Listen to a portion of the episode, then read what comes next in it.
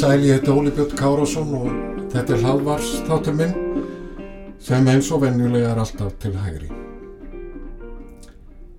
Yfirleitt fennir fljótt yfir ummæli stjórnmálamanna og álitskjafa.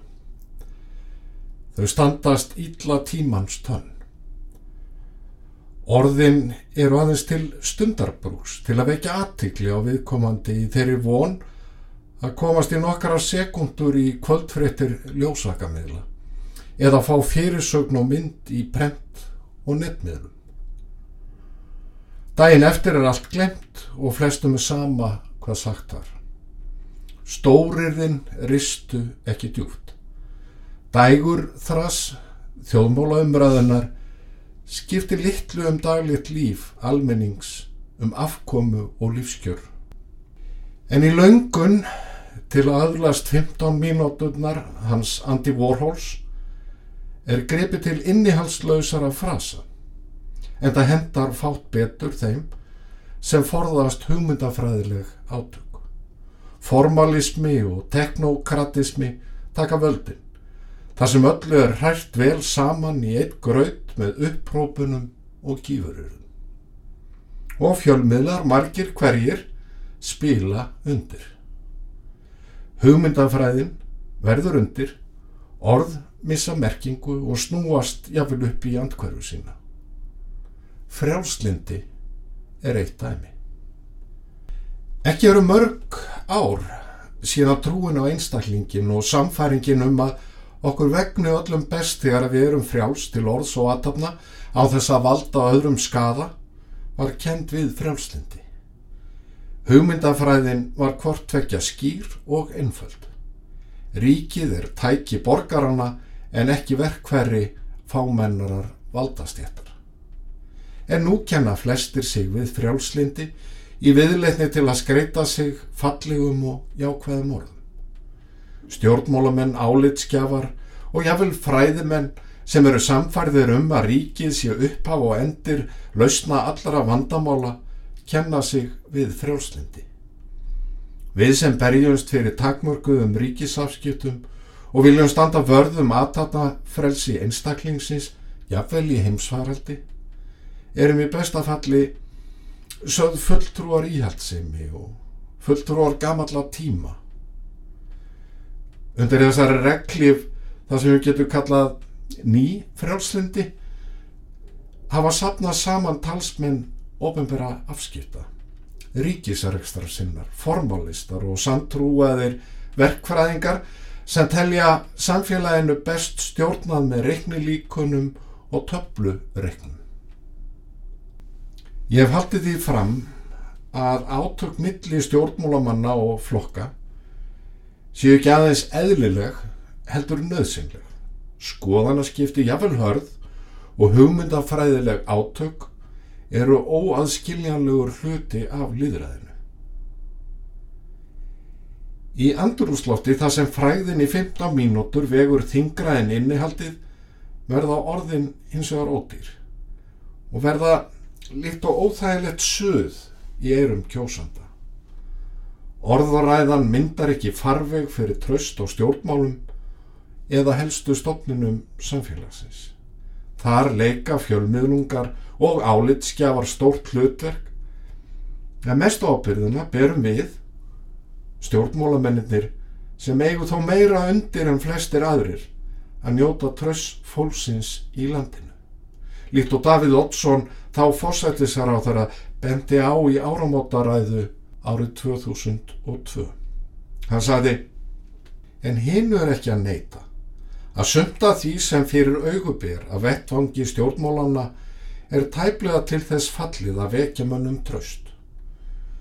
Furðu margir segja hálsatt eða ósatt og virðast ekki leiða hugan eina örskott stund að heðri sínum og orðstýr og það sem lakara er. Engin hermir framkomana upp á viðkomandi og ótrúlega mörgum virði sama. Menn ypta aukslum og láta kýrt liggja. Slíkt kann að standast um skammar hýð en verður að þjóðarböli þegar til lengdar lætur. Þessi ádreipa Davís Oddssonar er jafn þörf í dag og fyrir tæpum áratug. En ummæli eldast vissulega misjaflega vel. Sum halda gildi sínu gegnum tíman en önnur hefðu mátt vera ósögð.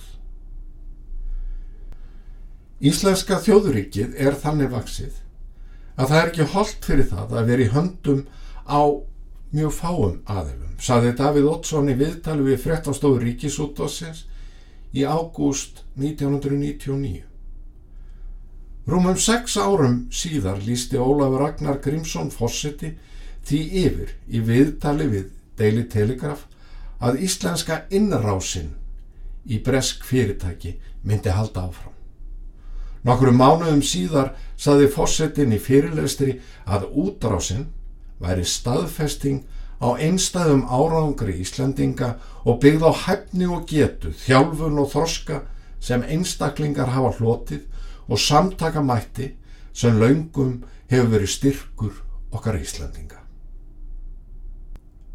En í orðaræðinu breytist merking orða. Þau eru herrtekinn með svipum hætti og frjálslindi.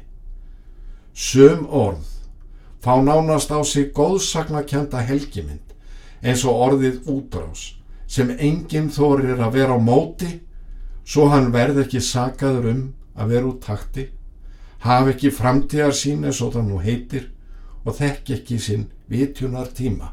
Þetta saði Davíð Oddsson þá seglabankastjóri og morgunverða fundi viðskiptaráðs og hann held áfram.